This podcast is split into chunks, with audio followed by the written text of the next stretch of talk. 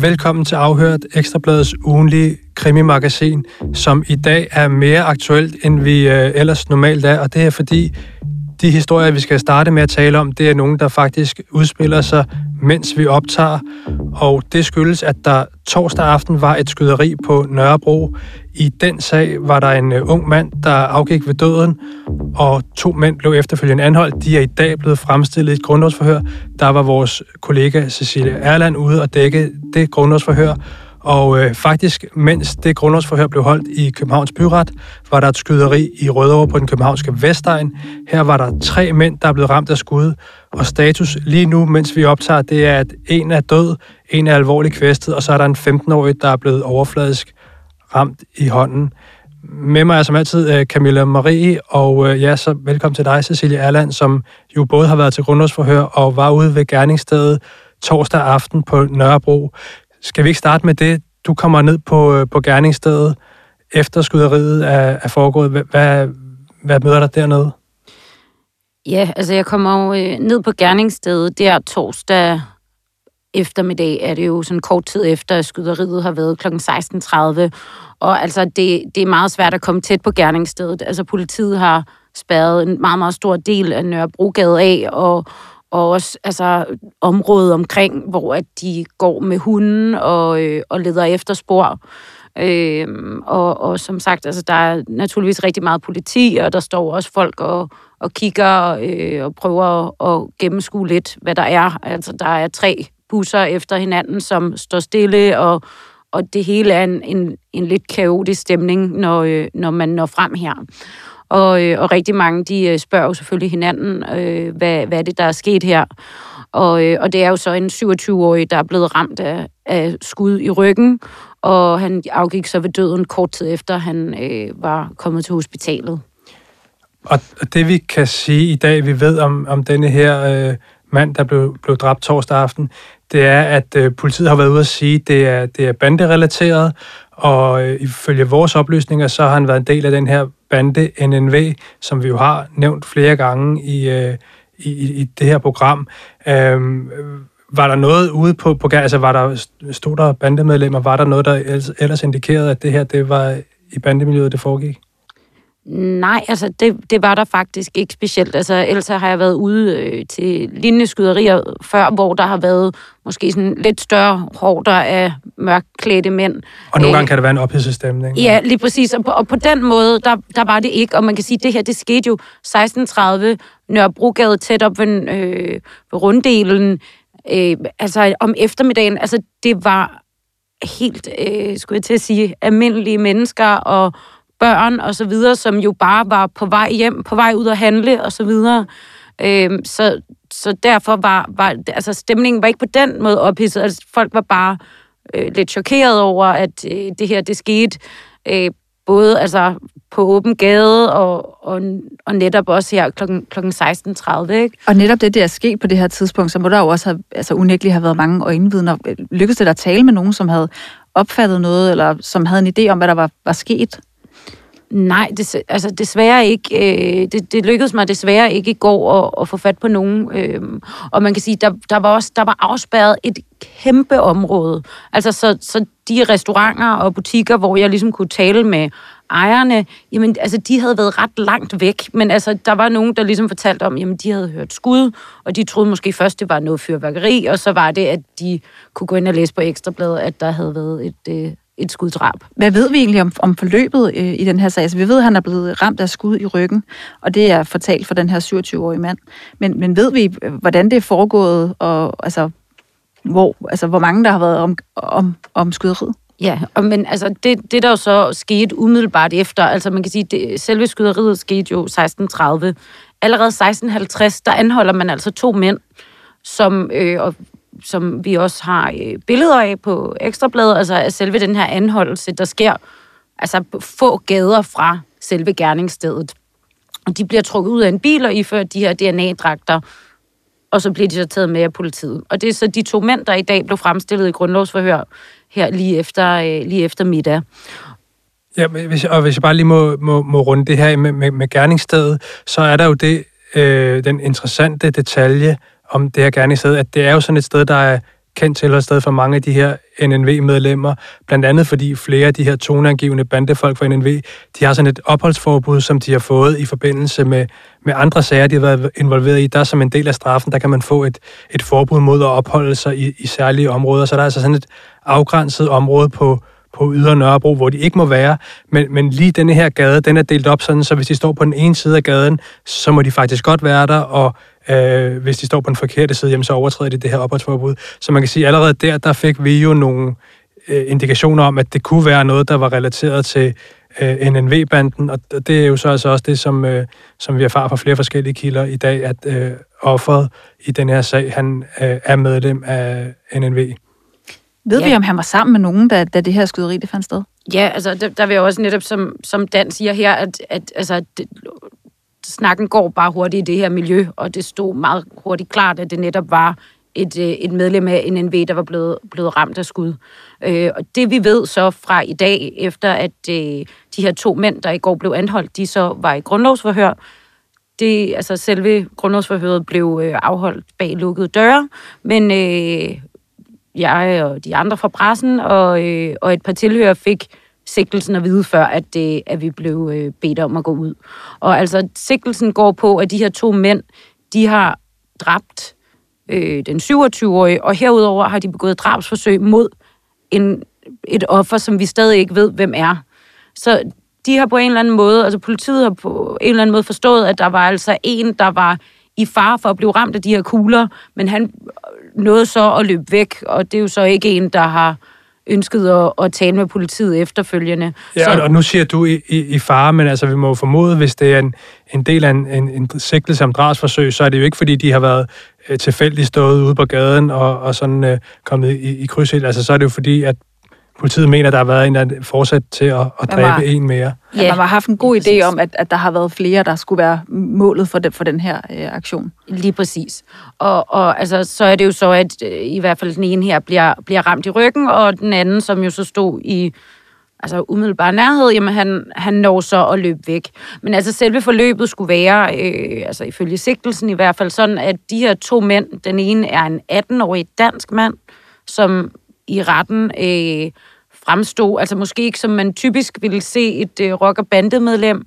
Øh, han altså, øh, var øh, en lidt stor fyr, øh, og altså var iklædt sådan meget øh, afslappet en blå øh, sweatshirt, og faktisk, han havde bare det her lyse hår, og så, så meget ung ud egentlig. Øh, og så var der så hans 21-årige medsigtede, som var sådan en, en lidt mere spinkel øh, mand af anden etnisk herkomst, men, men som jo er svensk statsborger ifølge vores oplysninger. Eller? Og ved vi, hvordan de forholder sig til den her sigtelse? Ja, de nægtede sig skyldige. Det, det fik vi lige at vide, inden at, øh, inden at dørene blev lukket. Og, og mens vi optager det her program, så er grundlovsforhøret ikke slut, vel? Det er netop det er afsluttet, og de er blevet varetægtsfængslet frem til den 22. december. Så retten har i hvert fald indtil videre givet øh, anklagemyndigheden altså, ret i, at der er baggrund for at øh, tilbageholde de her to mænd. Og, og igen, ja, den ene er jo så en, en 21-årig svensker, og den anden en, en 18-årig dansker. Og, og ved vi fra sigtelsen, hvad deres rolle så har været i forbindelse med det her øh, drabs, drab og drabforsøg? Ja, altså den, den 21-årige har øh, ifølge anklagemyndigheden i hvert fald stået for at øh, affyre de her skud, hvoraf at, øh, mindst et af dem var dræbende. Altså den svenske statsborger? Ja, lige ja. præcis. Og øh, den 18-årige, han skulle så have stået for at øh, køre en flugtbil hen til ham og tage ham med, inden at de jo så allerede her 20 minutter senere bliver, øh, bliver stoppet af politiet. Men der er ikke noget i sigtelsen, der indikerer, at det er en del af en bandekonflikt. Øh, for, for nuværende i hvert fald. Nej, og det, men, og det kan jo så hurtigt ændre sig. Men øh, var der noget, øh, altså ved retssagen, var der nogen bandemedlem eller noget, der var mødt op ude foran? Det ser man jo nogle gange.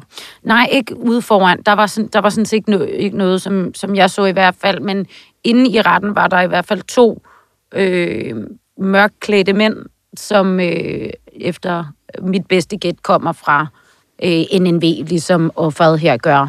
Og de var, øh, de var med inden under, øh, under grundlovsforhøret til at starte med, og e, lige pludselig går en af dem, eller går de faktisk begge to ud, og der opstår sådan lidt tumult, og de river døren op og går ind igen, og det ender faktisk med, at den ene bliver sådan lidt ført ud af retten af, af politiet. Og der, altså, de, der, der var en lidt hissig stemning øh, lige her, faktisk. Camilla, jeg skal lige høre, jeg ved, du har jo kigget lidt nærmere på ham her, svenskeren, som er, er sigtet i sagen, og øh, vi kan, altså, det er jo begrænset meget, vi kan sige om ham på nuværende tidspunkt, men han har i hvert fald øh, nogle domme for Sverige, vi har Ja, altså på. vi ved, at han er kendt af svensk politi, og så ved vi også, at han senest i, øh, i oktober i år undskyld, blev øh, dømt i en sag i forbindelse med røveri. Og der får han altså en betinget dom, og det er jo så derfor, han øh, formentlig kan bevæge sig rundt på, på åben gade, og altså nu er mistænkt i den her sag. Og, og ved vi, om han er kendt for noget i Danmark? Det ved vi ikke på nuværende tidspunkt, nej. Altså alt tyder på, at han i hvert fald er en person, der er kendt af, af det svenske politi, og kommer øh, fra området omkring Göteborg. Men altså, som man kan sige, jamen lige nu, altså vi har jo i hvert fald to, der er anholdt, og vi, vi ved nogenlunde, hvad, hvad hændelsesforløbet er, men, men hvorfor at der er den her unge danske dreng og den her svenske øh, 21-årige, der vælger at tage, til, øh, tage ind på Nørrebrogade og, øh, og skyde den her 27-årige mand i ryggen, det er jo så indtil videre stadigvæk et, øh, et mysterium. Mens der er det her grundlovsforhør i Københavns Byret, hvor to mænd altså bliver fremstillet, der får vi jo et tip på Ekstrabladet om, at der skulle være et skyderi ude på Vestegnen i Rødovre, og tre personer skulle være øh, ramt af skud. Og øh, det, det er jo sjældent, at øh, vi ikke øh, har hørt om øh, et skyderi. Altså normalt så er det jo sådan, at øh, vi får billeder sendt ind og alt muligt andet. Men, men her der er altså et skyderi, vi ikke har hørt om, og øh, vi får ringet til, til Vestegns politi, som jo øh, bekræfter, at der har været et, øh, et skyderi derude. Det er vigtigt at sige, at vi på nuværende tidspunkt ikke kan kæde de her to skyderier sammen. Altså, der er ikke noget, øh, politiet har meldt ud, hvor man siger, at øh, der er en, øh, en direkte sammenhæng. Øh, jeg tror ikke, det er øh, for stort et, øh, et gæt at sige, at de selvfølgelig efterforsker en eller anden sammenhæng, om de her to ting kunne hænge sammen. Altså, om det skulle være sådan en, det man kalder en, en bytter i det kriminelle miljø. Altså, når der sker et, et skyderi et sted, så øh, ser man jo tit, at, øh, at det skal hævnes øh, kort tid efter. Men for at understrege det, så kan vi altså ikke på nuværende tidspunkt sige, at der er en direkte sammenhæng mellem de her skyderier. Status på, øh, på de, øh, de ramte personer derude, det er, at øh, en mand på nuværende tidspunkt er afgået ved døden, og så er der en, der er alvorligt kvæstet, og så er der altså en, en ung fyr, en 15-årig dreng, der er blevet ramt af skud i hånden. Vores kollega Linette Jespersen er ude på, øh, på stedet nu. Øh, hej Linette. Hej Dan. Øhm, kan, kan du ikke start, først starte med at fortælle, øh, hvad, hvad, er der noget nyt ude fra, fra gerningsstedet? Så politiet har stadig afspadet et øh, meget stort øh, område herude og afsøger øh, området med, øh, med politihunden, som de har gjort øh, lige siden jeg kom herud her for et par timer siden. Øh, jeg kan også se, at teknikerne fortsat er i gang inde i øh, den øh, frisørsalon, som øh, politiets undersøgelse centrerer sig omkring. De er i gang med at, øh, uh, at affotografere uh, frisørsalongen, som er sådan et meget lille rum, og øh, det vi altså har fået at vide er, at, øh, at det centrerer sig omkring øh, det her sted. Altså, Hvad er det for et, et område, det her øh, gerningssted? Kan du sådan kort beskrive for vores lytter, hvor det er fundet sted? Jamen, det ligger nærmest i sådan et, øh, et slags villa-kvarter, men øh, hvor der er et øh, torv, hvor der blandt andet ligger en pizzeria, et pizzeria, et, en øh, kiosk og øh, en øh, blå korsbutik, og nede for enden er der også en øh, nettobutik. Og i den anden ende, så er der jo altså øh, Islev skole, hvor man kan se, at øh, der er børn, der, er, der er leger ude foran. Så det er altså sådan et, øh, et øh, boligkvarter og et sted, hvor øh, der faktisk kommer ret mange mennesker. Linette, du, du har talt med nogle, øh, nogle personer derude. Hvad, hvad siger øh, folk i lokalmiljøet? Ja, det er jo naturligt nok noget, der virkelig har... Øh, har øh, opskrækket, eller øh, noget, der har gjort folk bange herude. Altså, jeg talte med en øh, ældre dame, som sagde, skyderi nu igen, jeg er målløs, øh, man kan jo snart ikke være nogen steder. Og det er altså den øh, øh reaktion, jeg ligesom møder fra folk. Altså, de er øh, forfærdet over, at det her det er sket, og altså ved højlysdag, og, øh, og ja, jo på nærmest øh, åben gade. Øh, der er så heller ikke nogen af dem, der har lyst til at stille øh, op til billeder, og det er selvfølgelig også fordi, at man er i tvivl om, hvad er det egentlig, der, øh, der ligger bag det her. Øh, foran øh, afspærringen, der mødte jeg også øh, to, øh, to mænd, som øh, fortæller, at de ugenligt øh, bliver klippet inde i den her frisørsalon, og, øh, og kender indehaveren af, af frisørsalongen derinde. Og den ene, han øh, fortæller, at øh, han skulle faktisk have været inde og blive klippet inde øh, i frisørsalongen lige omkring det her tidspunkt, hvor skyderiet sker, sammen med sin øh, søn. Men øh, fordi der ligesom var en foran i køen, så øh, besluttede sig for at gå ned og øh, få skiftet vinterdæk i stedet for. Så man siger, at øh, Gud må have holdt hånden over os. Og altså, du har jo også talt med folk, som faktisk har været ret tæt på begivenhederne, altså lige efter der er blevet skudt. Øh, kan du prøve at fortælle, hvad det er, de oplever, da de, da de kommer til det her gerningssted, og der lige er blevet øh, affyret skud? Ja, jeg har talt med øh, Michael Hauge, som har et øh, autoværksted lige her i nærheden. Og han blev ringet op til øh, op af vennen til faren til den 15-årige dreng, som er blevet øh, skudt i hånden inde øh, øh, på det her gerningssted. Og øh, han skynder sig over at køre ned og bliver mødt af sådan fuldstændig kaos. Øh, folk, der råber og skriger, og øh, han ser så drengen, som ligger på sådan en bordbænke øh, sæt, som øh, er uden for frisørsalongen. Og øh, han sørger simpelthen for at, øh, at holde drengen for ørerne, for simpelthen at øh, afskærme ham for de her sådan meget sådan kaotiske råb og skrig, der er, og bare siger til ham, at øh, du skal bare koncentrere dig om din egen øh, vejrtrækning, altså fokusere på at, at trække vejret. Øh, og så siger han jo, at, øh, at det er et frygteligt øh, scenarie, der er derinde. Altså øh, øh, nogle øh, to personer, som er øh, blevet ramt øh, ganske, ganske alvorligt. Øh, så det er et, øh, et meget øh, slemt scenarie, som han, øh, han ankommer til. Og, øh, og naturligvis så siger han, at, øh, at, at det var meget frygteligt at se. Og han oplever, at den her øh, dreng, som han har kendt fra barns ben, at han er virkelig, virkelig bange, og det forstår man jo godt. Og altså ved vi noget om, øh, altså det er jo meget, meget tidligt øh, stadie det her, så vi kan jo selvfølgelig ikke sige noget om, hvem man er gået efter, men, men ved vi, den her 15-årige dreng, er det, er det et, et rent tilfælde, at han, han bliver ramt her? Hvad er dit indtryk af, af det? Altså, jeg har ikke nogen sådan bekræftede oplysninger på det, men altså, der er tale om en øh, fuldstændig øh, øh, almindelig 15-årig øh, dreng, som var indenfor og skulle blive klippet ind i den her frisørsalon, så øh, jeg vil sige, at øh, alt tyder på, at øh, han var et øh, fuldstændigt øh, tilfældigt offer, som, øh, som var på det forkerte sted på det forkerte tidspunkt. Det er i hvert fald også det, som øh, Michael Hauge siger.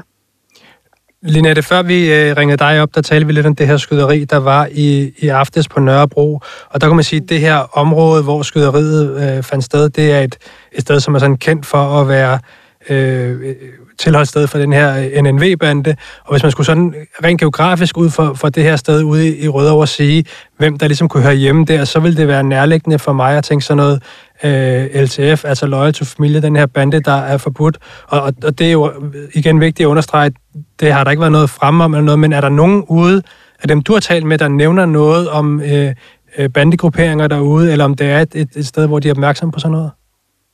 Det er jo fuldstændig øh, spekulationer, det der, men øh, altså, der er der blevet nævnt sådan noget som øh, øh episoder med, øh, med øh, afkrævning af, af, af beskyttelsespenge. Altså, det er jo blevet nævnt herude, men det er jo fuldstændig gissninger, som, øh, som jeg ikke ved, om der er noget, noget hold i på nuværende tidspunkt. Øh, man kan sige, det er jo sådan et sted, det ligger jo heller ikke så langt fra, fra Husum, og altså, det er jo sådan, øh, et, det er jo et område generelt, som vi har har hørt om før, og det er også det, som folk siger herude, at, øh, at det er jo ikke første gang, de oplever skyderier. Jeg, er lige inde, øh, mens vi taler, så har jeg lige været og kigge på, på Vestegns politis Twitter-konto, og det er jo fordi, det er, det er der, de som, øh, som regel melder noget ud til, til pressen og offentligheden. Og det, det sidste tweet, de har udsendt, det var altså for 29 minutter siden, hvor der kom de her øh, oplysninger om, øh, om status på dem, der er blevet ramt af, af skyderiet. Så, så for nuværende, der, der har vi ikke mere. Øh, så vi, vi siger tak til dig, Linette, og så kan vi jo sige, at... Øh, vi følger selvfølgelig den her sag på, på Ekstrabladet. Hvis der kommer mere, jamen, så, så skriver vi selvfølgelig om det på, øh, på Ekstrabladet. Tak fordi du var med. Det var så lidt.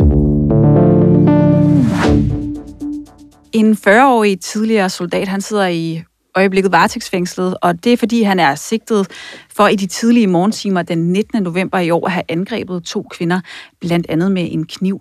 Og vi har Torsten Ros i studiet. Det er altid en fornøjelse, når du er her, Torsten. Tak. En form for stamgæst. En, en form for stamgæst, ja. Det er et rigtig godt program, når vi har dig.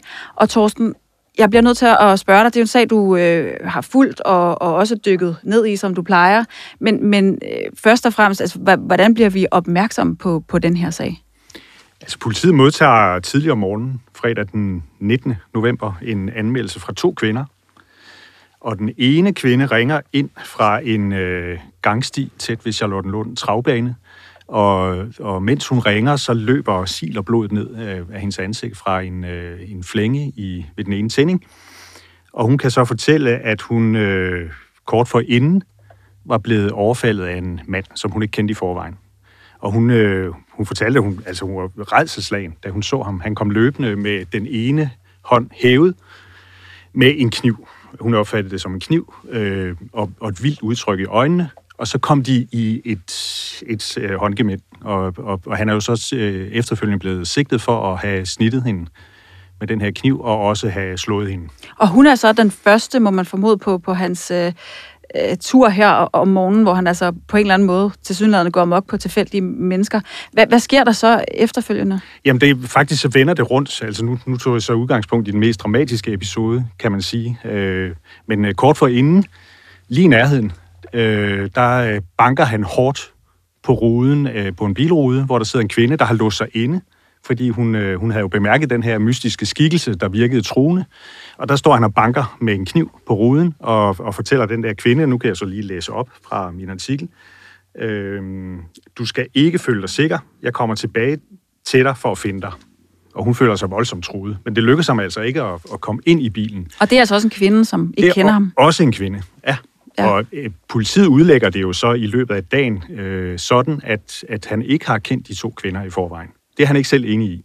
Men det kan vi vende tilbage til. Men vi bliver opmærksom på det her, fordi politiet også melder ud, at de, at de leder efter en gerningsmand til det her overfald. Det er en af de første artikler, vi, vi melder ud, i hvert fald, at, at, at to kvinder er blevet udsat for, for noget meget voldsomt i, ja. i, i Nordsjælland.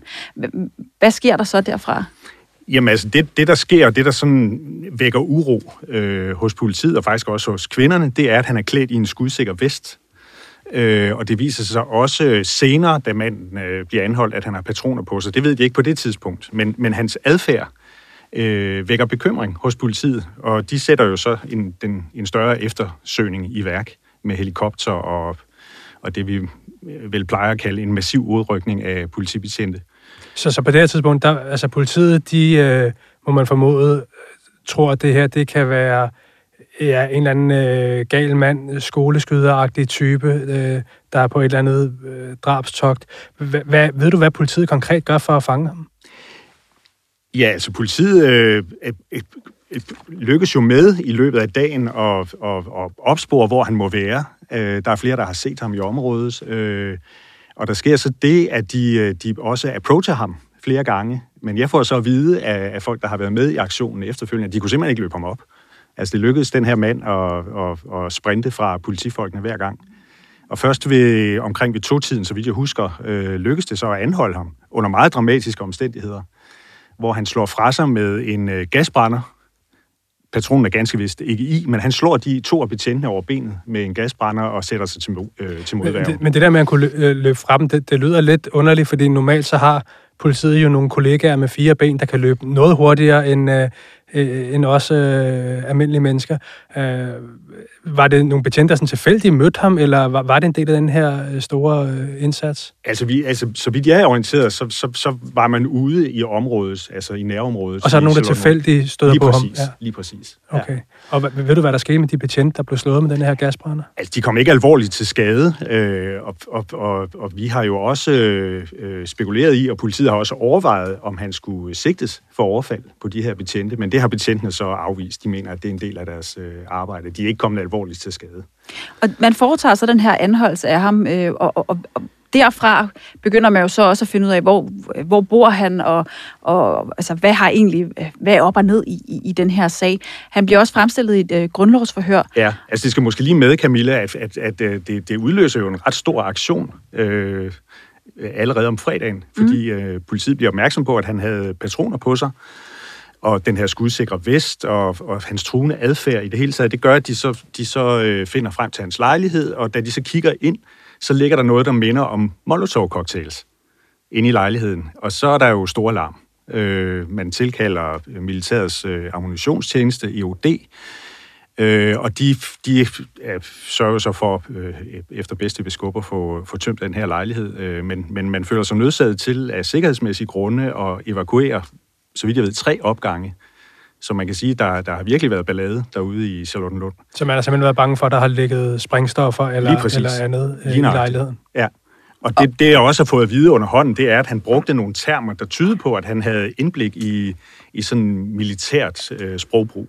Ja, fordi som du så har beskrevet i din dækning, så er der tale om en, en tidligere øh, soldat. Øh, hvad, hvad ved vi egentlig om, om, om den her mand?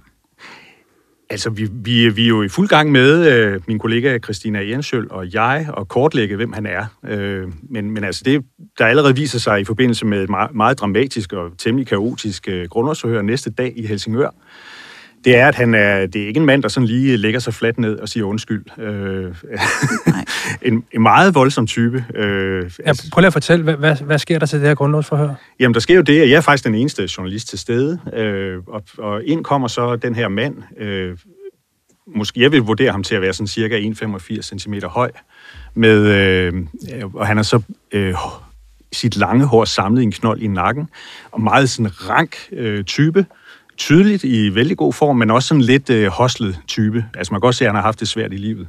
Okay. Øh, og så han ligger jo ud med at, at, at fyre sin, øh, sin forsvar med den øh, lidt usædvanlige begrundelse, at han er medlem af Folkekirken. Øh, og det opfattede han som en mistænkelig gruppering. Altså han vil simpelthen ikke have den forsvar, Nej. som han har fået til det her grundlovsforhør, alene af den grund, at han er medlem af Folkekirken. Ja, der, der, der er jeg nødt til at spørge, det er jo ikke en normal oplysning, man får om en forsvarsadvokat. Er, er det, fordi han spørger forsvarsadvokaten, når man er medlem af Folkekirken, ja. hvordan kommer det frem? Ja, altså... Så der, der er simpelthen tjekket, at var der andre ting, der kunne have, have vraget ham? Ja, men altså, de kendte jo ikke hinanden i forvejen. Altså, øh, forsvaret var blevet beskikket i dagens anledning og havde vagten som advokat i det her område. Ikke? Øh, og så havde han lige en kort samtale med, med fyren, øh, hvor de sad øh, under fire øjne. Og det var, det var et vigtigt spørgsmål at få afklaret. Er du kristen? Og nu, nu spørger jeg, fordi det tror jeg, der er mange af vores lyttere, der sidder med det spørgsmål nu. Ham her, øh, den sigtede, hvad, hvad er han selv? Er det, fordi han selv er, er muslim, eller er der et eller andet i, i, i, denne her, i det clash med det kristne, der gør, at, at han ikke vil have det? Han er ikke øh, muslim, så vidt jeg er orienteret, men, men han... Øh, det forklarer han i hvert fald under grundlovsføret, så støtter han et politisk parti, som måske er ukendt for de fleste danskere, der hedder JFK 21, og nu udtaler jeg det på engelsk, fordi jeg troede i første omgang, at det knytter sig til den, øh, til den øh, dræbte øh, ekspræsident John ja. F. Kennedy. Det tænker man med det samme, når man hører det navn. Det var min indskydelse, så faktisk lå jeg den ligge et stykke tid, og så, så på et tidspunkt, da Christina og jeg gravede ned i det, så, så googlede vi lige for en god ordens skyld. Og det viser så, at det er partiet JFK, som står for noget helt andet. Nu skal jeg lige være helt sikker. Det er, står for, øh, for jorden, frihed og kundskab. Og det parti har gjort sig især bemærket øh, ved en lejlighed, fordi formanden han meldte ud, at øh, øh, Hillary Clinton, øh, den tidligere udenrigsminister i USA, er pædofil. Og de støtter så den holdning, at, øh, at, at sådan det civiliserede samfund, blandt andet det danske, øh, er bundet op på ondskab. Altså, det lyder som som nogen, der, der går meget op i de her konspirationsteorier, Præcis. og QAnon og sådan nogle ting, Det vil de man, selv man benægte, men, øh, men, men det, det er også mit klare indtryk. Ja. Men jeg bliver simpelthen også nødt til at lige at spørge, er, er det så sådan, at det her grundlovsforhør ikke kan fortsætte nu, han fyrer sin forsvarsadvokat på, på stedet? Nej, men altså, han blev jo siddende, øh, øh, advokaten, øh, og var i øvrigt... Øh, og færdiggør øh, det her lige grundlovsforhør. Men ja. det, bliver, altså, det er også kaotisk af mange andre grunde, fordi han går jo lige i struben på dommeren også, og i øvrigt også på mig, som han nedstiger øh, helt vildt, og siger, at han kender mig fra, fra tidligere osv., at han gerne vil, at jeg forlader retten. Men som du beskriver det her, så lyder det jo som en en person i, i stor ubalance. Ja, det, det, det er også mit indtryk, men altså ikke uintelligent, øh, øh, bestemt øh, kvik i hovedet, men, men også, øh, altså han er, han er sådan ligesom grebet af den der idé, og det var også baggrunden for overfaldet på de to kvinder, siger han selv, at, øh, at Danmark er udsat for, for sådan en, en øh, kultisme, og, og et, øh, en, altså, at, at man kan forvente, at der vil ske en terrorhandling mod Danmark sådan i nær, nærmeste fremtid. Og der mente han, forklarede han i retten, at de to kvinder stod i spidsen for den øh, bevægelse. Så han øh, sidder nede i retten, og på en måde så formoder jeg, at øh, alt det her ballade, det, det er overstået, at en, en form for grundlovsforhør kan, kan gå i gang. Ja. Han bliver sigtet for de her øh, to forhold. Ja. Erkender han de, de faktiske omstændigheder? Ja, det gør han. Altså, han er, det, det gør han bestemt. Øh, han siger selv, at det nu ikke var en skarp kniv, men mere sådan en bajonetlignende rusten affære, han, han havde stukket med og havde med. Men, men han, han løber ikke fra, fra det, han er gang i. Øh, han giver klart udtryk for, at han havde en mission. Øh, men man kan så sige, at jeg var egentlig meget godt tilfreds med, at hans hænder var, var fastgjort i et fixeringsbælte, øh, og at der var øh, fem kampklædte betjente til stede. Han benyttede jo lejligheden til at beskrive den som en flok aber, de her betjente. Så, øh, og dommeren blev, altså der var et, et langt mundhuggeri med dommeren. Og, og nu sagde øh, Camilla, det er jo måske meget diplomatisk, men øh, nogle gange til de her grunde så kan det jo også komme frem, at der er en eller anden øh, historik, og en eventuel varetægtsfængsel måske skal foregå i surrogat, altså hvor man skal have noget behandling i stedet mm. for en, en almindelig fængselsstraf. Var det tilfældet her? Nej, altså der er ikke noget, der tyder på, ifølge de oplysninger, vi har fået fra, fra blandt andet politiet, der er ikke noget, der tyder på, at han tidligere har været en del af det psykiatriske system, men det er jo så noget af det, vi graver i nu. Øh, der, der er noget, der tyder på, at han er gået under radaren, øh, og måske har viklet sig ind i forbindelse med coronakrisen i sådan et, et øh, konspiratorisk netværk på, øh, på nettet. Øh, altså han, har, han er tidligere soldat, og han har tidligere forsøgt at gennemføre en uddannelse som flymekaniker, øh, og folk beskriver ham egentlig som, som en okay fyr. Han har deltaget i DM øh, i bodybuilding i, tilbage i 2012, og, og nåede faktisk i finalen og så mistede han interessen for det. Altså, det virker på mig som en fyr, der egentlig har en masse ting kørende for sig, men ikke rigtig kan fastholde noget og så måske er kommet ud i et, i et uh, skidt netværk. Alle de her mennesker, som I har talt med omkring øh, den her sigtede mand, mm. altså øh, beskriver de, man hører jo ofte omkring, de, altså, at folk på et tidspunkt får et knæk og ændrer adfærd, eller altså er der et eller andet afgørende tidspunkt i, i hans historik, som I har fundet frem til, hvor det begynder at gå skævt? Ja, der er noget, der tyder på, at han har, han har øh, viklet sig ud, i hvert fald ifølge de øh, folk, der kender ham, i et, i et ret massivt hashmisbrug. Og det, det altså jeg, jeg skal ikke kunne sige, om det øh, har været udslagsgivende, men, men det, man har jo tidligere hørt om hashpsykoser. Og han virkede også på mig psykotisk. Øh, mig bekendt har han aldrig fået en diagnose, øh, men jeg tror, det er inden for de senere år, hvor, hvor, hvor, hvor der ligesom er et eller andet, der er slået klik. Der er en nabo, der beskriver, hvordan han en sen aften, få dage før den her episode, bearbejdede øh, sin væg voldsomt med, øh, med en sav, altså sådan et elværktøj. Og, og, og den her person, jeg har talt med, han bankede så på døren og sagde, hvad fanden han havde gang i. Og så forklarede han, at, at nu kommer de. Pludselig kommer de. Så han har til synligheden været i gang med at barrikadere sig i den her lejlighed. Det, øh, ja, det, det lyder i hvert fald øh, som, som en person, der måske øh, ikke er øh, helt mentalt stabil. Derfor skal jeg også lige høre til sidst, han er jo medlem af det her øh, JFK, som ja, muligvis. Du, han støtter, øh, i støtter det i hvert fald. Mm-hmm. Øh, men, men, men for god ordens skyld, så, så er der altså ikke noget, tyd, der tyder på, at det er en eller anden øh, øh, hvad skal man sige, øh, øh, gruppe, hvor der er flere af hans type, der vil rende rundt på gaden og, og, og slå folk ned. Altså, det, vi er enige om, at det er den mand, der har arbejdet alene. Der er jo tit i de her formuleringer i sigtelser, hvor man så hører i, i samarbejde eller forening med andre. Det har der ikke været noget i den her sag. Der, der er intet, der tyder på, at han har andre med sig. Det er øh, efter min bedste overbevisning en ensom ulv, som i øvrigt også risikerer øh, at blive sigtet øh, for, øh, for at stå bag en ildspåsættelse i en garage i kvarteret fredag. Torsten, tak fordi du endnu en gang kom ind til os og øh, fortalte om den her historie. Velbekomme. Camilla, vi, vi taler jo om mange sager her i afhørt, og tit så siger vi, øh, det vender vi tilbage til, når der er nyt i sagerne. Og nu er der faktisk nyt i, i en af de her sager, vi har tidligere berørt.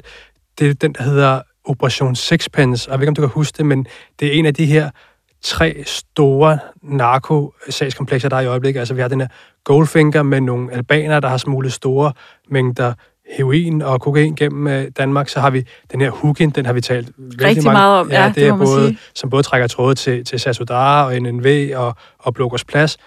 Og så er der den her Operation Sixpence, som er en, en sag med et, øh, det, det politiet kalder et, et meget stort organiseret netværk med tråde til øh, rundt om i Europa øh, til det, som, ja, og det er for egen regning, jeg siger det, men, men det lyder jo nærmest som, det er, det er sådan noget øh, mafia-lignende-agtigt, øh, der, der er indblandet det her, når man hører politiets beskrivelser af det. Det, det er jo ikke altid, politiet er så glade for at tage sådan lidt kulørte ord i munden, men, men man må forstå, det er et, et meget øh, organiseret netværk, der, der står bag det her. Ja, det er jo noget, som øh, du har kunne fortælle nyt om. Det er noget, som vi har på forsiden her øh, fredag på Ekstrabladet, og også noget, som, som vi havde på EBDK i går, øh, under overskriften Her klapper fælden HA, HA-rocker fængslet i gigantisk narkosag, og Dan, prøv lige at forklare, altså, hvordan, hvordan øh, starter det her overhovedet? Altså, vi har et, jeg kan beskrive det her for lytteren, et fantastisk billede af en, af en mand, der, øh, der bliver ført af nogle politibetjente i Københavns øh, Lufthavn, Kastrup Lufthavn. hvordan er det, vi starter med at, at, øh, at, at komme på sporet af det her? Som, som vi tidligere har, har beskrevet i vores dækning af den her sag, så har der siddet to danske HA-rockere nede i, øh, på den spanske solkyst, og der er de blevet anholdt på øh, baggrund af en international efterlysning fra de danske myndigheder. Øh, hvad de helt præcist øh, var mistænkt for, det, det har stået lidt hen i det uvisse, fordi deres, øh, de her grundlovsforhør, de blev holdt bag dobbeltlukkede døre. Det vil sige, at vi ikke vidste, hvad det præcis er, politiet mistænker dem for. Men vi har jo hele tiden vidst, at de skulle komme hjem på et tidspunkt, og der sker det, at vi, øh, vi får et tip om, at øh, nu er den en af de her rockere, den, den mest toneangivende af de her to rockere, på vej hjem til Danmark. Og det betyder, at vi, øh, vi vælger jo at få en, øh, en fotograf ud i lufthavnen og tage imod ham, når han kommer hjem. Vi kan sådan ret præcis sige, hvad for et fly det må være, han, må, han, han, han kommer med. Så da det her fly øh, onsdag lander i, øh, i Københavns Lufthavn, så har vi så en, øh, en fotograf stående derude, og, og som du selv siger, så har vi haft det på forsiden af Ekstrabladet, og man kan gå ind øh, i, øh, på, på ekstrabladet.dk og se alle de fotos, der er blevet taget af den her øh, anholdelse af rockeren. Og, øh, og, og det er jo simpelthen fordi, at, at nu skal han jo så øh, for en, en dansk dommer, der skal tage stilling til politiets mistanke mod ham. Det sker så dagen efter torsdag, der bliver han øh, fremstillet nede i, øh, i Københavns Byret. Og man kan sige, jeg, jeg tager der ned for at høre, fordi nu kan vi endelig få belyst, hvad er det, politiet mistænker denne her øh, Hells Angels rocker for. Og øh, da han bliver ført ind i retten, så kan man sige, det, det er ret tydeligt, at øh, det her det er en mand, der har opholdt sig på den, på den spanske solkyst. Ifølge... Ja, der er jo stor, stor forskel på de billeder, vi faktisk har set på, øh, af ham på social media, og så den mand, man ser på de billeder, hvor han bliver flankeret af danske betjente og bliver ført ned. Altså, ja, der vi, har, vi har set nogle billeder af ham, hvor han står i, i, i rockervest og ser øh, særdeles øh, veltrænet og, og, og solbrændt ud. Og, og man må sige, øh, det, jeg ved ikke, om det er øh, den tid, han har siddet fængslet i et, et spansk fængsel, der har, har gjort, at han har tabt sig nogle kilo, og så, så havde han altså en, for årstiden her i Danmark en, en meget tynd vinterjakke på, og øh, ingen sokker i sin sneakers og sådan noget. Så, så, så han lignede altså en, ja, en, øh, en turist, der var kommet hjem fra, fra de varme lande og ikke lige havde omstillet sig til, til det danske klima. Men, men det er simpelthen fordi, han er en del af en, en, en HA-afdeling i Spanien, som sådan officielt hører under øh, øh, spansk HA, men som vi hørte, så er det de facto en dansk afdeling. Altså, der er øh, cirka 20 medlemmer dernede, der, der har øh, danske rødder, og flere af sådan nogle i rockerverdenen, koryfærer, øh, højstående HA'er, de, øh, de er altså tilknyttet den her afdeling. Og som du selv siger, så er det første gang, vi får at vide, hvad hans rolle har været i, i det her kompleks, i hvert fald ifølge politiet. Hvad kommer der frem ved det grundlovsforhør? Ja, vi når jo at, at høre sigtelsen, der bliver læst op, og der mener anklagerne altså, at denne her rocker ved to lejligheder har været med til at øh, indsmule, besidde og videreoverdraget ikke under 10 kilo kokain. Det vil altså sige, at i alt mistænker man ham for at have håndteret 20 kilo kokain. Og det er sket øh, første gang 11. april to, øh, 2020, og det er på en øh, resteplads i Karlslunde, hvor de her 10 kilo kokain, de skifter hænder. Og ligesom med med andre sigtelser i det her kompleks, så ved vi faktisk ikke, hvad der sker med, med stoffet herefter. Det bliver øh, fragtet til et ukendt sted i Københavnsområdet, og så, øh, som det hedder i sigtelsen, så øh, bliver det øh, fordelt videre ud til ukendte købere. Så det vil sige, vi, vi ved altså ikke, hvor stoffet det ender, efter at det har øh, været i hænderne på øh, formentlig denne her øh, rocker. Vi ved ikke, det skal lige siges, vi ved ikke, hvordan han forholder sig til, til sigtelsen, fordi dørene blev lukket, Øh, det gjorde den faktisk med en, en lidt interessant begrundelse. Der sidder jo øh, i forvejen 20 fængslet i den her sag, og øh, anklageren øh, Jelena Hansen, hun sagde, ja, vi har så de her 20 mennesker, der sidder i sagen, men der er faktisk ingen af dem, der har vil sige noget indtil videre, så, så hvis øh, en, en eventuel forklaring eller en ny oplysning kommer ud, jamen så, så vil de, øh, de fængslede altså kunne, kunne sammenstemme nogle forklaringer. Så, så, så dørene blev lukket, så, så derfor så ved vi ikke heller ikke, hvordan han forholder sig. Men, men det vil sige, øh, hvis vi skal lige se tilbage til det, så er der de her øh, første gang på en resteplads i Karlslunde, og så 18 dage senere, så gentager det her øh, øh, modus, så, hvor man, øh, man indsmugler 10 kilo kokain, og denne gang er det en adresse i Ishøj, og endnu en gang, der ved vi heller ikke, hvordan det øh, efterfølgende øh, fordeler sig. Du er jo selv inde på i starten, at, at den her HA-rocker, han jo bliver anholdt med en anden og sidder øh, fængslet i i Spanien i, i lang tid. Hvad er der egentlig blevet af, af den anden fængslede dansker i den her sag? Ja, han er jo lige gået, øh, gået under radaren, fordi han er rent faktisk øh, kommet til Danmark allerede øh, ja, øh, i, i starten af november. 11. november blev han fremstillet i, øh, i Grundlovsforhold i København, og øh, man må formode, at det er en nogenlunde indslidende sigtelse. De er i alt øh, fire mænd, der, der øh, er nævnt i den her sigtelse, altså de to rockere og så to andre, som, øh, som også er kendt i, øh, i kriminelle sammenhæng. Hvordan deres roller er, det, det, det fremgår ikke. Altså, vi ved ikke, hvem det er, der har øh, øh, gjort det ene eller det andet, altså hvad, hvad politiet mener. Øh, det er sådan en, en, en samlet sigtelse, og det, det er, øh, ja, sigtelsen ligner meget nogle af de andre, vi kender fra, fra det her sagskompleks, øh, som, som drejer sig om indsmugling af, af store mængder kokain. Og det var det, hvis man kan huske fra, fra sidst vi talte om det, det er, det er noget kokain, som så har fået nogle særlige navne. Altså noget af det hedder øh, Paris, og fået sådan nogle lidt catchy navne. Og det er nogle navne, som, som de giver af, af helt specifikke øh, årsager, kom vi jo også ind på dengang. Ja, det, det er simpelthen sådan noget, øh, både for, at det skal have sådan et, et, et brand, og så kan det være, at man... Øh, øh, ja, man kan sælge det på det. Øh, folk kender det, hvis det er god kvalitet, jamen så kan man sige, at vi vil godt have øh, det mærke igen, men det er også sådan, når man gør de her forskellige grupperinger eller netværk, jamen så har de sådan deres eget øh, mærke, som man så øh, kender og, og, og kører med. Men, men som sagt, jamen, der, der er ikke kommet rigtig noget frem om, vi ved ikke, hvordan politiet er kommet på sporet. Vi kan dog sige, at i mange af de, øh, i de andre sigtelser i denne her sag, der spiller de her krypterede telefoner en, en stor rolle. Det blev ikke nævnt i den her sigtelse, men, men man kan jo i hvert fald gisne om, at øh, det er fordi politiet har fået knækket de her øh, krypterede telefoner, hvor folk måske har været lidt for snaksalige. Øh. Og du siger, de indgår i sigtelsen øh, i, i de her andre. Øh, det er jo et stort kompleks, der er jo øh, flere sigtet. Altså, kan du forklare lidt nærmere, hvordan de indgår i sigtelsen? Hvad, altså, hvad, øh, hvordan er ordlyden der? Ja, men, men det, øh, der, der er de bare nævnt med nogle, øh, de her, det er jo sådan på de her øh, særligt krypterede telefoner, der har man nogle, nogle brugernavne, øh, og, og der kan man simpelthen øh, se, at, at det, det er nævnt i sigtelsen, at man skulle have brugt nogle, øh, nogle navne på de her øh, krypterede telefoner. Og, og det, der er lidt specielt, og derfor vi, vi sidder jo faktisk lidt og fægter i blinden, fordi der har ikke været nogen sager, hvor øh, anklagemyndigheden har, har forsøgt at bruge de her krypterede telefoner som, som bevis. Der er en masse øh, sager, der er under opsejling, men vi ved jo endnu ikke, hvordan de her oplysninger vil, vil blive håndteret i retten. Så øh, ja, på det punkt, der, der kan vi sige, at vi, vi ved faktisk ikke, hvordan man, øh, man vil, vil bedømme de her beviser, hvordan man vil bruge dem i, i retten. Du er selv inde på det her med, at politiet holder kortene tæt til kroppen i, i den her sag. Altså, hvornår kan vi forvente, at der måske kommer noget nyt, øh, som vi også kan beskrive her i Ekstrabladet?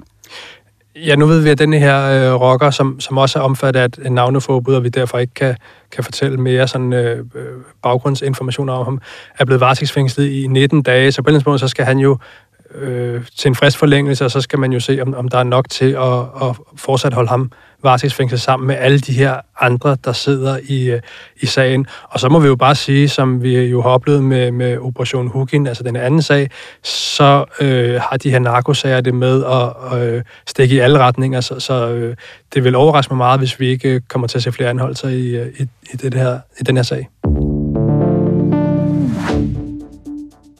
Da sovnepræsten Thomas Gotthardt han tilbage i august skulle tilstå drabet på sin kone Maria From Jacobsen, så skete hans forklaring bag lukkede døre.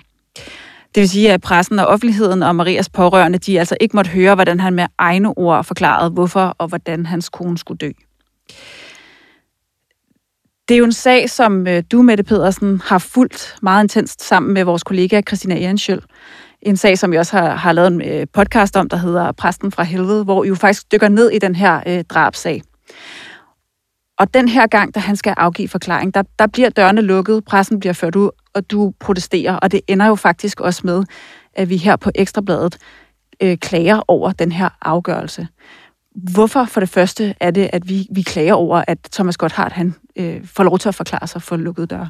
Vi, øh, vi kager og vi protesterer over den her afgørelse, fordi at at det, som helt grundlæggende så øh, er tilfældet, det er jo, at Thomas Gotthard, en morder, han får lov til at diktere, om der skal være åbne eller lukkede døre i, en, øh, i et retsmøde. Og han gør det ikke øh, med nogen årsag. Det er ikke sådan, at han øh, ikke er i stand til at forklare sig, fordi at han er øh, øh, psykisk syg, eller han, øh, han har det dårligt, eller han simpelthen rent fysisk ikke kan, kan tale. Øh, han gør det bare fordi. Han lægger simpelthen armene over kors og siger, jeg vil ikke forklare mig hvis der er nogen til stede. Og, øh, og det mener vi ikke kan være rigtigt. Ja, det kan det ikke, fordi at i Danmark der er retsmøder offentlige. Og de er, det skal være sådan, at man som borger kan gå ind og følge en retsproces. Man skal kunne se og følge med i, hvorfor er det, et menneske bliver dømt eller frikendt. Og I klager jo, altså jeg er jo faktisk selv til stede den her gang, du, du protesterer, og det gør du sammen med resten af pressen, TV2 og Ritzau er blandt andet til stede. Og I går også videre med den her, I, I går til landsretten, og I går og faktisk også videre derfra, fordi landsretten øh, vælger ikke rigtig at give jer ret i, i den her øh, klage over de her lukkede døre. Men nu har procesbevillingsnævnet altså taget sagen op, og det betyder, at det her spørgsmål om, hvorvidt Thomas Gotthardt skulle have lov til at forklare sig for lukkede døre, eller om der altså var tale om en forkert beslutning, den skal for højesteret. Hvorfor er det vigtigt øh, for os som journalister, og hvorfor er det vigtigt for offentligheden? Jamen, det er jo vigtigt, fordi det er sådan helt principielt, fordi med den her kendelse fra byret og landsretten, der, øh, der kan andre tiltaler og andre sigtede jo også bare sætte sig tilbage og, øh, og sætte armene, og lægge armene over kors og sige, at de ikke vil sige noget. Og de behøver ikke at have en særlig grund til det. Og det er jo det, der er det springende punkt, at der er ikke engang en årsag til det. Og, og det er jo, som du siger med det, at helt grundlæggende så i Danmark, så har vi åbenhed i, i retsplejen. Det vil sige, ja, alle skal kunne øh, høre, hvad der er, der foregår i, øh, i danske retssaler. Hvis man ikke kan det, så må man så læse det i, øh, i, i pressen, de medier, der dækker den. Der er jo de her særlige øh, eksempler, hvor for eksempel øh, Øh, ofre for, for voldtægt, eller ofre, der måske er, er nervøse for at afgive forklaring. I sådan nogle særlige tilfælde, jamen, så kan man godt lukke dørene, og pressen bliver ført ud, og så bliver de her forklaringer så givet. Men, men det er usædvanligt, at et, en, en tiltalt i en, en drabsag ikke skal afgive forklaring for, øh, for, for åbne døre. Men hvad er det både by og landsret har sagt, at grunden er til, at han, øh, at han skal afgive forklaring for lukkede døre? Jamen altså, byretten, de, øh, de giver sådan set forsvarsadvokaten ret i, at det vil hindre sagens oplysning, hvis ikke han siger noget. Fordi nu vil han jo tilstå, siger forsvaren, og hvis han ikke siger noget, så vil øh, sagen ikke blive oplyst. Men, men det er jo bare ikke rigtigt, fordi på det her tidspunkt af det her retsmøde, det er, der er der allerede rejst tiltal flere måneder forinden. Og det gør man kun, hvis man mener, at man rent faktisk kan føre sagen til dom. Ja, så, så det er ikke fordi, at der kommer en forklaring for, for Thomas Gotthardt, som, som øh, potentielt set vil kunne øh, ja, opklare sagen, eller man vil få nye spor, eller, eller andet. Altså den del af sagen er færdig efterforsket på det her tidspunkt, øh, så, så man kan sige, det, øh, han kan ikke øh, hver, hverken øh, hindre opklaringen, men han kan altså heller ikke bidrage med ny viden. Ja, det kan godt være, at han kan bidrage med nogle nye detaljer, men det er jo, sin, men det er jo i sådan i sin essens, om den er færdigopklaret. Altså, det skal være på afgørende måde, han skal kunne øh, forhindre sagens opklaring, hvis ikke han vil, eller, hvis ikke han vil aflægge forklaring. Og, og det kan jeg simpelthen bare ikke se, der, til, øh, der er tale om her. Så derfor var det også en kæmpe overraskelse, da vi så blev smidt ud i byretten. Og så i landsretten, så laver de så en ekstra krølle på, hvor de siger, at øh, det er også okay at lukke dørene, fordi at drabet er sket i den nærmeste familie. Hvilket jo på en eller anden måde er nærmest endnu mere grotesk. Altså det betyder, at man jo faktisk kan begå et drab i, i sin familie, og så på en eller anden måde forvente, at man kan få lukket øh, døre. Altså det, det lyder det næsten som om. Ja, så kan man jo få særbehandling. Og så er vi jo kastet tilbage til den gang, hvor man også gav mildere straffe, hvis det var partnerdrab i forhold til, hvis man slog en tilfældig ihjel. Og det er vi jo gået væk fra. Så selvfølgelig skal man ikke have særbehandling i retten, fordi man har slået sin kone ihjel. Men det er jo altså en, øh, en, et spørgsmål, som højesteret nu skal tage stilling til. Ved vi, hvornår højesteret kigger på den her sag? Nej, det ved vi ikke, altså, øh, men, øh, men det er ikke sådan, det kommer i næste uge eller næste uge igen. Altså, det, vi skal nok ikke også igen det nye år for at, at, at, at øh, forhåbentlig få medhold i, øh, i højesteret. Jeg skal lige for god skyld øh, høre med det. det. Det var jo sådan, som jeg har forstået det, at den forklaring, der så blev givet for, for præsten Thomas Gotthardt for lukkede døre, den fik I læst op efterfølgende. Så, så, så det, vi snakker om nu, det er vel egentlig mest noget, der er, er sådan principiel øh, interesse for, for, for medierne. Det er jo ikke sådan, så hvis, øh, at, at der på bagkant kan komme nye oplysninger i den her sag, som vi ikke kan til, eller hvad? Jamen det, det kan du jo i princippet godt, fordi det, som bliver læst op, det er det, han har nikket til. Det er kun det, han kan tilstå. Det er det, vi får læst op i den efterfølgende tilståelsesag. Og, øh, og der er jo masser, det er jo fem timer, han har afgivet forklaring, så han er blevet forelagt alle mulige beviser, og også blevet øh, øh, afhørt af anklageren, øh, og fået stillet alle mulige spørgsmål, som vi ikke har indblik i. Og så er de til sidst blevet enige om noget, han kan ikke, øh, han kan ikke til. Så, så jo, der kan sagtens være ting, som kan give os i hvert fald et meget større indblik i, hvad for nogle beviser anklagemyndigheden og politiet havde mod ham. Men man kan jo sige, at altså, sagen er jo kørt. Thomas Gotthard har givet den her forklaring for lukkede døre. Det er jo ikke sådan, at hvis højesteret øh, giver pressen ret, så øh, kører man det hele om igen, og så får vi lov til at høre hans forklaring. Så hvorfor er det her øh, overhovedet øh, en vigtig sag for, for, for Ekstrabladet for eksempel? Altså helt, helt konkret på sagen er det vigtigt at få øh, belyst øh, så meget som muligt på en, en drabsag, og øh, øh, som også har haft stor offentlig bevågenhed. Men det er lige så vigtigt for den næste retssag. Den næste sigtede eller tiltalt, der, sætter, der lægger armene over kors og siger, at jeg vil ikke udtale mig. Der er det helt vildt vigtigt, at vi har en kendelse, der kan sige, at det kan du ikke. Der skal faktisk i Danmark være en helt særlig årsag til at lukke dørene. Man kan ikke gøre det bare fordi. Og vi må se, hvad højesteret finder frem til. Du skal i hvert fald have tusind tak øh, for at gøre os lidt klogere på det her lidt tekniske emne, men som ikke desto mindre er, er ret vigtigt for den måde, vi, vi dækker drabsager på Ekstrabladet og andre steder i, i den danske presse. Tak for det med det. Det var slet. Det var, hvad vi havde øh, på programmet i Afhørt i dag. Tak fordi I lyttede med, og vi er jo tilbage igen næste fredag.